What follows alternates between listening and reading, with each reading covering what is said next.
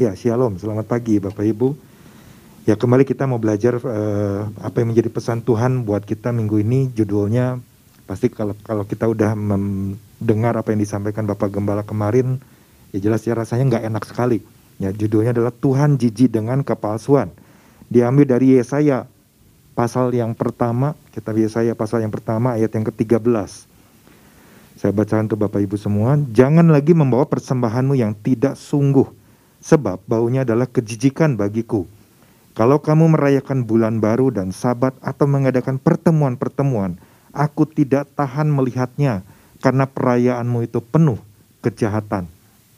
Nah, ketika kita terima pesan ini, ya pastikan kita mulai merenungkan, kita mulai memeriksa hati kita, ya. Karena kan ini sesuatu yang uh, pastinya keras, ya. Teguran ini sangat-sangat gak enak. Tapi Bapak Ibu jangan salah mengartikannya. Justru ketika kita terima pesan ini, sesungguhnya kita harus sadar bahwa Tuhan itu lagi sayang sama kita. Ya. Tuhan mengasihi kita dan Tuhan tidak mau umatnya binasa. Ya, binasa karena kebodohan umatnya sendiri. Ya. Nah, sebelum kita masuk ke dalam pembahasan, saya ingat dulu waktu saya masih kecil, karena saya nggak terlalu mengerti gitu ya saya lupa entah SD kelas 2 kelas 3 itu pada waktu itu orang tua saya apa mengalami satu masalah yang cukup besar ya. Karena waktu itu apa ada teman temannya yang datang ke rumah untuk uh, menjual barangnya jadi menitipkan barangnya ya. Nah orang tua saya itu kan kemudian coba menawarkan ke beberapa pelanggan sampai akhirnya ya ada satu satu teman dekatnya juga ya. Teman dekat kenal baik juga. Dia akhirnya meminjam barang tersebut untuk coba dia tawarkan. Dan setelah dibuat ya ada surat perjanjiannya dan kemudian e, beberapa hari kemudian barang itu dikembalikan. Tapi waktu dikembalikan ada sesuatu yang yang aneh gitu ya. Kok e, papa saya melihat ini kok barangnya bukan seperti barang yang sebelumnya diberikan gitu ya. Nah akhirnya ya jadi masalah karena ternyata memang benar barang tersebut ditukarkan ya. Dari yang sesuatu yang asli ditukar dengan sesuatu yang palsu sesuatu yang bukan lagi aslinya. Akhirnya apa? Akhirnya timbul satu masalah yang besar ya. Dan pastikan kalau kalau teman yang menit yang menitipkan barangnya itu waktu dia lihat barangnya udah bukan barang dia kan yang yang jadi masalah kan pasti orang tua saya ya. Ya akhirnya kita harus harus mengganti ya karena orang yang meminjam barangnya itu dia nggak mengakui bahwa dia menukar barang tersebut ya. Sampai akhirnya ya hubungan tersebut menjadi rusak. Hubungan yang tadinya baik menjadi rusak ya. Karena karena sebuah kepalsuan. Orang tersebut udah jelas-jelas menukarkan barang yang asli dengan barang yang palsu ya. Barang yang bukan uh, seharusnya. Walaupun kelihatannya sepertinya mirip ya tapi palsu ya karena papa saya kan sangat-sangat ngerti gitu. Nah, begitu juga kalau hari-hari ini Bapak Ibu banyak sekali terjadi orang-orang yang berani ya untuk memalsukan sesuatu. Ya, banyak ya orang yang memalsukan dokumen, orang yang memalsukan mungkin barang-barang uh, terkenal mereknya ya punya punya brand yang sangat-sangat terkenal orang berani untuk memalsukannya ya atau juga kan kalau dalam hal bisnis hari-hari ini begitu banyak ya. Hari ini pemerintah sedang melakukan pembersihan ya investasi-investasi bodong ya yang banyak memakan korban bahkan sampai ratusan miliar ya. Ini kan udah berarti uh, sesuatu yang yang nggak bisa dibiarkan. Dan waktu kita tahu tentang hal itu tentunya kalau kalau kita pernah mengalaminya kita rasanya aduh uh, marah banget gitu ya. Rasanya aduh ngelihatnya juga nggak nggak nggak suka gitu. Kok kenapa sampai ada orang yang seperti ini ya? Nah mungkin kita gambaran seperti itulah kita bisa melihat kenapa Tuhan sampai menganggap bahwa ketika ada kepalsuan itu rasanya jijik ya. Jadi pesan Tuhan minggu ini tuh sangat-sangat menemplak ya. Sebenarnya menjadi sebuah peringatan buat kita ya. Karena kalau kita baca perikop dari uh, apa ayat dasar pesan Tuhan ini kan ini udah jelas-jelas ya bertobat lebih baik dari mempersembahkan korban. Ya. Jadi yang Tuhan minta itu sebenarnya adalah pertobatan. Ya. Jadi kalau Bapak Ibu baca uh, inti dari pesan Tuhannya ini kan kita diingatkan supaya kita belajar pada teguran Tuhan yang disampaikan Nabi Yesaya kepada bangsa Yehuda di masa lampau. Kenapa? Karena ternyata Tuhan itu sangat-sangat memperhatikan, ya, memperhatikan ketulusan dan kesungguhan hati umatnya ketika datang mendekat kepadanya. Ya. Nah, apakah ketika datang dengan hati yang tulus dan rindu akan Tuhan, ataukah waktu datang sama Tuhan itu ini apa cuma sekedar memenuhi kewajiban agama? Ya. Mungkin ketika kita kadang-kadang tanpa menyadari, wah, wah saya datang sama Tuhan, saya udah ibadah kok sama Tuhan, saya udah pelayanan kok sama Tuhan, ya. Ini pasti Tuhan tuh uh, pastilah disenangkan dengan apa yang kita bawa ini, gitu, ya. Ini ini harus harus kita waspadai Bapak Ibu, ya kalau pengertian seperti itu. Kita harus mau belajar memeriksa diri kita.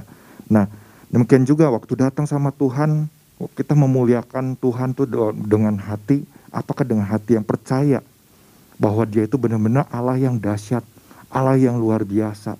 Ataukah waktu kita datang sama Tuhan, kita punya hati itu rasanya, waduh lagi bergejolak, ragu.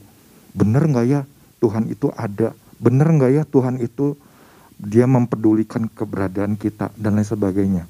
Nah, makanya kan melalui pesannya ini, kalau Bapak Ibu baca di warta, Tuhan lagi mengungkapkan isi hatinya. Ya, Tuhan lagi mengungkapkan isi hatinya Tuhan merindukan ketulusan hati dari umatnya. Ya. Nah Tuhan mau kita kembali, kembali memeriksa hati kita masing-masing. Karena? Karena kepalsuan hanya akan membuat Tuhan merasa jijik dengan segala yang ditunjukkan oleh siapa pun umatnya. Bahkan kalau saya mau menangkap kepalsuan itu sebenarnya membuat hubungan kita dengan Tuhan itu menjadi rusak. Kalau kita senantiasa tetap memelihara yang namanya kepalsuan. Ya. Nah, Kemarin ada dua hal yang disampaikan Bapak Gembala. Nanti Bapak Ibu bisa mendengar uh, kembali orang yang belum men, apa, mendengar pesan Tuhan ini bisa lihat ya di aplikasi RDMB atau juga di YouTube. Yang pertama adalah hati yang taat lebih baik daripada sekedar persembahan kepada Tuhan. Nah, yang kedua, hati yang percaya akan kebenaran Tuhan lebih baik daripada sekedar ungkapan yang indah disertai kebimbangan. Nah, pagi hari ini uh, beberapa prinsip yang juga kita perlu pahami agar kita senantiasa menjadi umat yang berkenan kepadanya. Ya. Yang pertama adalah hati yang takut dan hormat akan Tuhan. Hati yang takut dan hormat akan Tuhan itu jauh lebih berkenan daripada mungkin kita bawa persembahan-persembahan yang banyak gitu ya. Ini ayat dasarnya di ayat yang ke-10 dan 11 dari Yesaya pasal yang pertama. Dengarlah firman Tuhan, "Hai pemimpin-pemimpin manusia Sodom, perhatikanlah pengajaran Allah kita, hai rakyat manusia Gomora." Ke-11. Untuk apa itu korbanmu yang banyak-banyak firman Tuhan? Aku sudah jemu akan korban-korban bakaran berupa domba jantan dan akan lemak dari anak lembu gemukan. Darah lembu jantan dan domba-domba dan kambing jantan tidak kusukai kalau Bapak Ibu perhatikan ayat yang ke dengarlah firman Tuhan. Ya. Hai pemimpin-pemimpin manusia Sodom, perhatikanlah pengajaran Allah kita. Hai rakyat manusia Gomora. Ini kan Tuhan sedang menyampaikan ungkapan hatinya, dia selagi menyamakan keadaan bangsa uh, umat pilihannya itu pada waktu itu tuh disamakan seperti keadaan manusia pada di Sodom dan Gomora.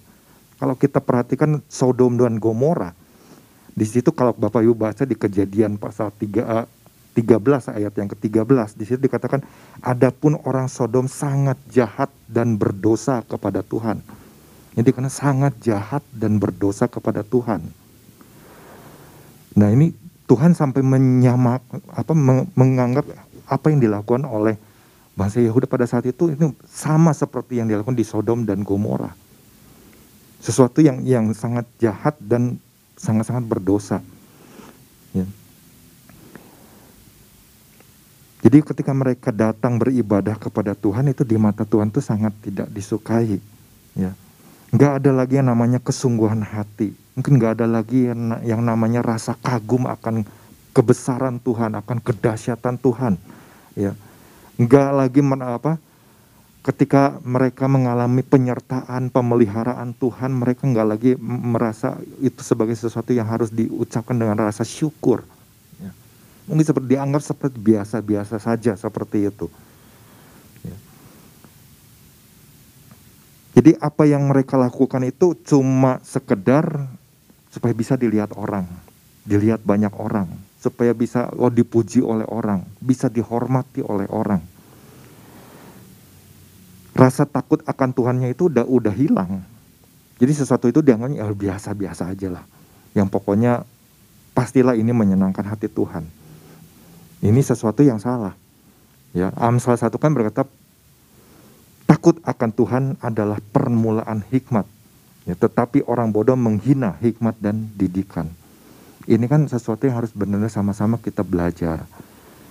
Kalau Tuhan mungkin merasa jijik, artinya mungkin waktu kita datang sama Tuhan nggak ada lagi rasa takut, nggak ada lagi rasa hormat.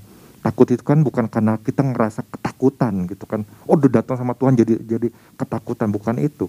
Takut itu kan karena kita sungguh menyadari bahwa Tuhan itu sudah menebus kita. Tuhan itu sudah memilih kita, membawa kita ke dalam kerajaannya untuk menikmati janji-janjinya yang luar biasa.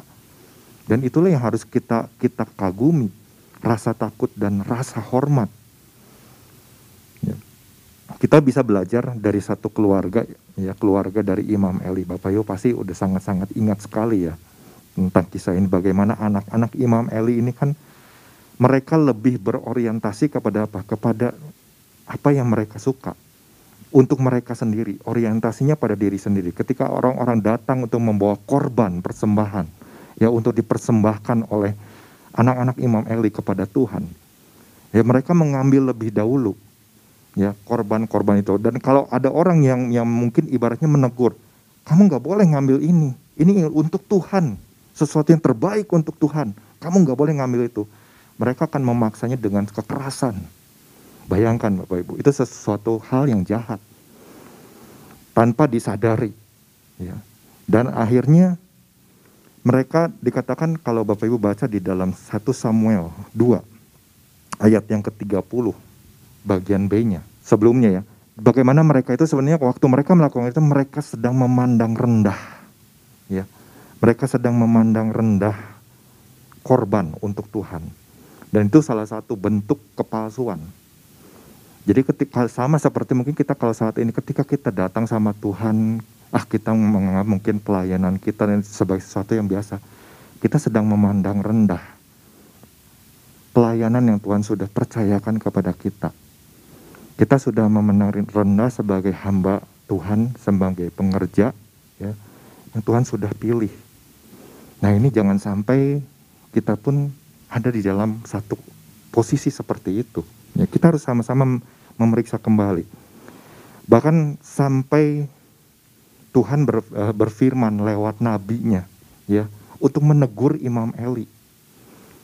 Kenapa Imam Eli itu sampai memandang loba ya kepada korban-korban untuk Tuhan.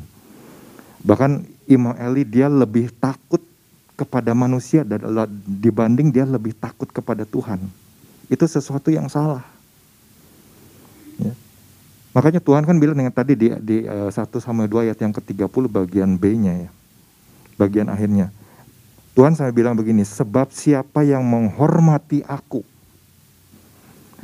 akan kuhormati. Dahsyat nggak ini perkataan Tuhan ini? Siapa kita kalau Tuhan sampai mau menghormati kita? Siapa kita, Bapak Ibu? Tapi Tuhan bilang seperti itu. Sebab siapa yang menghormati aku, akan kuhormati. Wow, ini perkataan Tuhan ini benar-benar sebuah hal yang harus kita sadari. Wah Tuhan aja sampai seperti itu loh kepada kita. Kita yang berdosa, kita yang dipilih, diangkat, ditebus. Tuhan sampai mau kasih hormat buat kita. Tetapi yang harus kita lakukan lebih dahulu adalah waktu kita mau menghormati dia. Itu ya memang sebuah kewajiban sebuah keharusan. Karena dia yang menciptakan kita.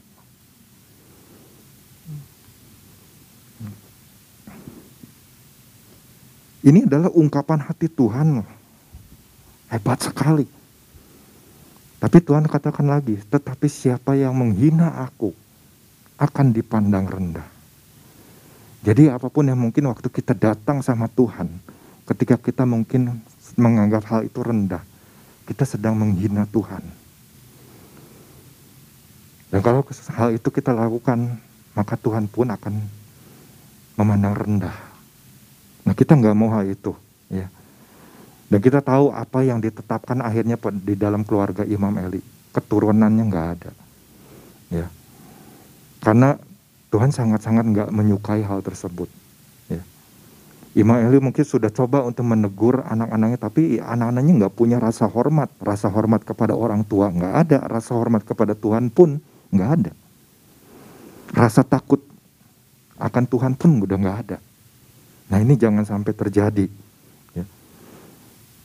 Jadi di sini kita sama-sama belajar, wow, kalau Tuhan aja sampai mau menghormati kita loh Berarti kita harus lebih dahulu menghormati dia. Karena itu memang sudah seharusnya kita lakukan. Ya. Nah ini yang yang yang sama-sama ya pagi hari ini kita belajar di poin ini. Ya. Mari kita renungkan sama-sama. Mungkin kenapa kalau Tuhan sampai kasih pesan ini artinya mungkin wah jangan-jangan mungkin saya waktu datang sama Tuhan udah nggak punya rasa hormat ya. Saya datang sama Tuhan nggak punya rasa takut lagi. Hal itu seperti ya biasa-biasa aja. Menjadi cuma kewajiban menjadi rutinitas dan sebagainya. Itu kita sama-sama ngecek ya. Kalau bapak ibu masih ingat pesan Tuhan di bulan Januari akhir ya cinta yang sungguh akan rumah Tuhan ya ini kan bagaimana pada waktu itu para pemuka agama Yahudi dan juga para pedagang mereka tuh seolah lagi tampak sibuk ya menyelenggarakan ibadah di bait suci, menyediakan korban-korban dan sebagainya. Tetapi ketika Yesus melihat hal tersebut kan Yesus marah. Yesus membalikkan meja. Dan Yesus mengusir mereka. Karena apa? Karena Yesus tahu apa yang mereka lakukan itu itu semua kepalsuan. Itu adalah kejijikan. Dan Yesus tidak suka karena hal tersebut. Nah kita sama-sama belajar kalau Tuhan terus mengingatkan hari-hari ini tentang hati. Ya. Mari kita sama-sama mau ya merendahkan diri kita, ya kita belajar lagi memeriksa hati kita. Ya. Jangan sampai ada hal-hal yang mungkin tidak berkenan di hadapan Tuhan. Karena tidak ada yang tersembunyi di hadapan Tuhan. Ya. Itu yang pertama. Yang kedua, apa yang yang ya, saya dapatkan dari pesan Tuhan ini adalah hati yang mau dibaharui dan dibersihkan. Ya, itu jauh pasti lebih baik daripada melakukannya tapi tidak dengan sepenuh hati. Kalau kita datang sama Tuhan, mari kita datang minta, Tuhan aku mau hatiku terus dibaharui. Tentu dengan sebuah kesungguhan ya jadi enggak dengan cuma pura-pura mau seolah-olah mau melakukannya tapi tidak dilakukan dengan sepenuh hati. Ayat 15 dan 16 dari Yesaya pasal yang pertama. Apabila kamu menadahkan tanganmu untuk berdoa, aku akan memalingkan mukaku. Bahkan sekalipun kamu berkali-kali berdoa, aku tidak akan mendengarkannya sebab tanganmu penuh dengan darah. Basuhlah, bersihkanlah dirimu Jauhkanlah perbuatan-perbuatanmu yang jahat dari depan mataku. Berhentilah berbuat jahat. Jadi ketika ini ayat di ayat, di ayat 16 nya dikatakan basuhlah, bersihkanlah dirimu. Artinya ya, iya ya, berarti saya harus hari lepas hari mau membuka hati saya untuk terus dibaharui. Mau membuka uh, hati saya untuk mau terus dibersihkan. Dibersihkan oleh apa? Oleh firman Tuhan kalau eh, kalau nggak salah minggu lalu ya atau dua, dua minggu lalu waktu bapak Gama sampaikan bahwa oh ya kita harus mengalami yang namanya pembaharuan minggu lalu nggak salah ya pembaharuan pembaharuan itu kan sesuatu yang bagaimana eh, kalau diambil di, di Roma pasal 12 yang kedua ya pembaharuan budimu ya Bagaimana pikiran kita ini harus terus dialiri ya dengan sesuatu yang aktif. Yang aktifnya itu apa? Yaitu firman. Nah, itu yang membaharui pikiran kita. Jadi kita harus mengalami hal itu. Kita mau hati kita terus dibarui, pikiran kita juga terus dibarui. Supaya cara pandang, cara pikir kita itu semakin hari semakin selaras dengan cara pandang, cara pikir Tuhan. Bapak Ibu pasti ingat satu kisah ini ya. Ini juga kan kisah di Alkitab yang yang udah nggak asing. Seorang yang di awalnya di dalam kerajaannya begitu luar biasa, tapi kemudian di tengah-tengah kekuasaannya dia mulai menyimpang dari Tuhan. Ya. Kita tahu yang namanya Raja Salomo. Ya. Raja Salomo kan waktu awal-awal dia memegang jabatan sebagai raja bagaimana Tuhan datang, Tuhan berfirman, apa yang kau minta? Tuhan aku cuma minta hikmat untuk bisa membawa bangsa yang besar ini. Dia cuma minta hikmat. Dan Tuhan kasih hal yang luar biasa. Tapi kemudian bagaimana pada akhirnya Salomo ini jatuh di dalam penyembahan berhala. Ya. Karena? Karena dia ya salah alasannya sangat simpel. Raja Salomo ini dia mulai mencintai banyak perempuan asing. Jadi sebetulnya dia tahu ini tuh sesuatu yang nggak berkenan di hadapan Tuhan, tapi dia labrak juga, dia langgar juga di mata Tuhan pasti itu adalah sebuah kejijikan. Ya. Karena apa? Karena Tuhan sudah ingatkan. Tuhan sudah ingatkan, ya. Tuhan sudah berfirman kepada bangsa Israel, jangan kamu bergaul dengan mereka. Ya. Di satu Raja-Raja 11 ayat yang kedua. Ya, di situ sangat-sangat jelas sekali dikatakannya. Ya. Jadi tentang perempuan Moab, Amon, Edom, Sidon dan Het. Tuhan udah kasih tahu ya tentang bangsa-bangsa itu. Jangan kamu bergaul dengan mereka dan mereka mereka pun janganlah bergaul dengan kamu sebab sesungguhnya mereka akan mencondongkan. Mereka akan menarik ya. Mereka akan menggiring, mereka akan berusaha untuk terus membawa kita itu semakin jauh dari Tuhan. Dan Salomo yang tahu hal itu dia mulai bimbang. Dan pada akhirnya justru yang dia lakukan adalah dia menyetujui apa yang dilakukan oleh perempuan-perempuan asing ini. Dewa-dewa kejijikan udah udah jelas itu dewa kejijikan ya. Artinya kan kalau Salomo benar-benar menyadari itu kan jijik ya di mata Tuhan, tapi dia menyediakan, dia menyetujui dia ikut terlibat. Jadi di satu sisi dia mungkin menyembah kepada dewa-dewa kejijikan, di sisi lain dia juga menyembah kepada Tuhan. Kira-kira bagaimana penilaian Bapak Ibu? Itu adalah jelas sebuah kepalsuan. Tuhan nggak menginginkan hal tersebut. Ya. Kalau saja kalau pada saat itu Salomo membuka, aduh Tuhan aku sudah berbuat dosa, aku sudah salah terhadap engkau. Segera dia pada waktu itu dia menyadarinya. Ya.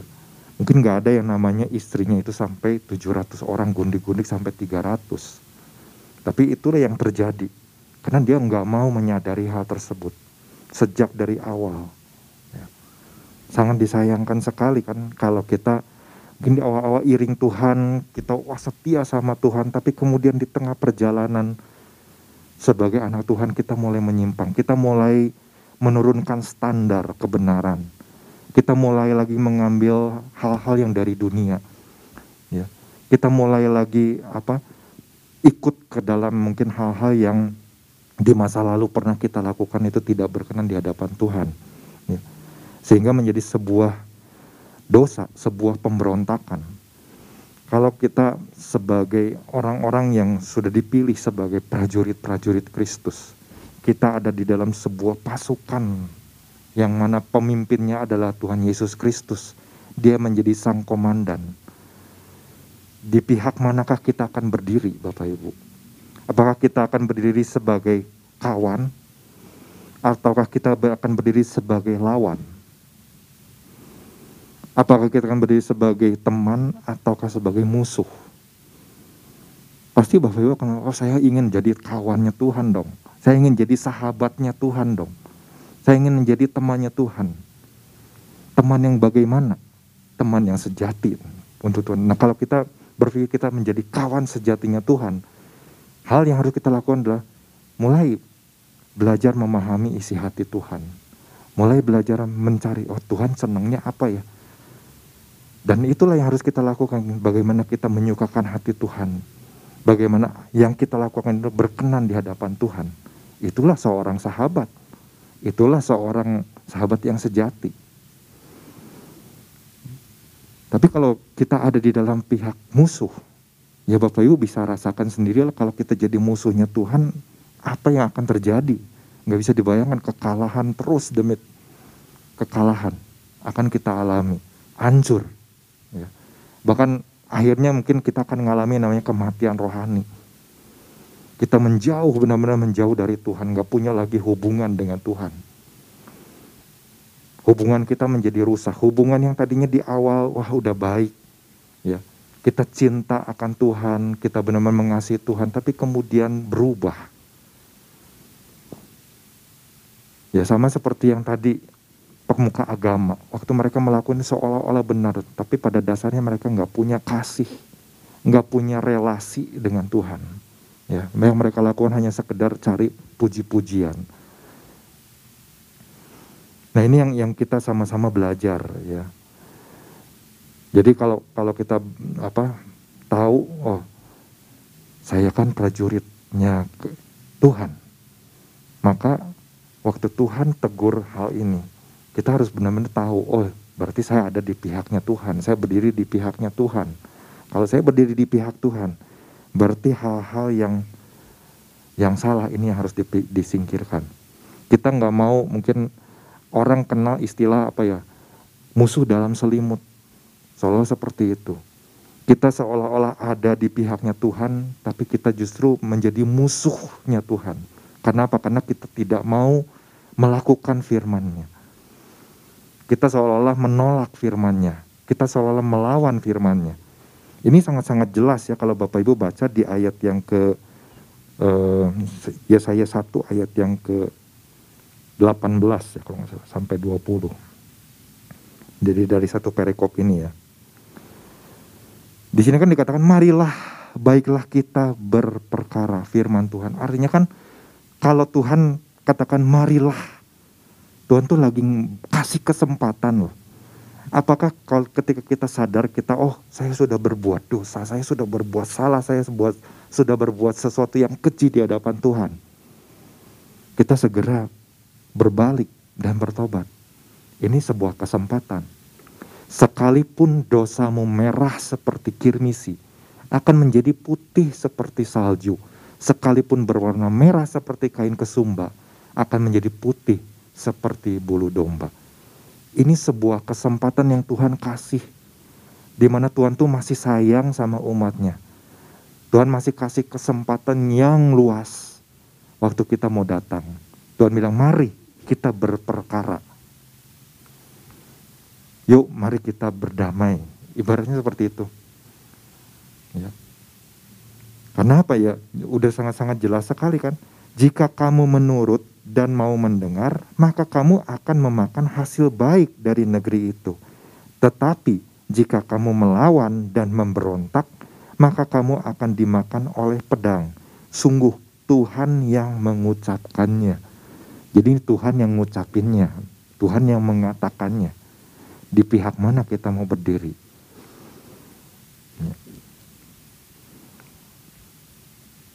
Nah dua hal ini aja Bapak Ibu yang yang pagi hari ini bersama-sama kita kita renungkan. Ya. Tentu ini juga kan sebuah hal yang yang menjadi peringatan buat saya pribadi. Ya. Di yang mana nih? Kalau kita sebenarnya sadar, oh iya, saya ini kan udah ditebus sama Tuhan. Saya yang berdosa, saya yang diangkat oleh Tuhan. Berarti saya itu harus ada di pihak Tuhan. Kalau ada, kita ada di pihak Tuhan, ya itulah yang harus kita lakukan ya, hal-hal yang berkenan di hadapan Tuhan. Ya. Dan bila dua hal ini boleh melengkapi Bapak Ibu, bagaimana supaya kita menjadi orang-orang yang senantiasa tetap berkenan di hadapan Tuhan ketika kita datang. yang memiliki hati yang takut dan hormat akan Tuhan dan juga kita memiliki hati yang mau terus dibaharui dan dibersihkan oleh Tuhan. Tuhan Yesus memberkati.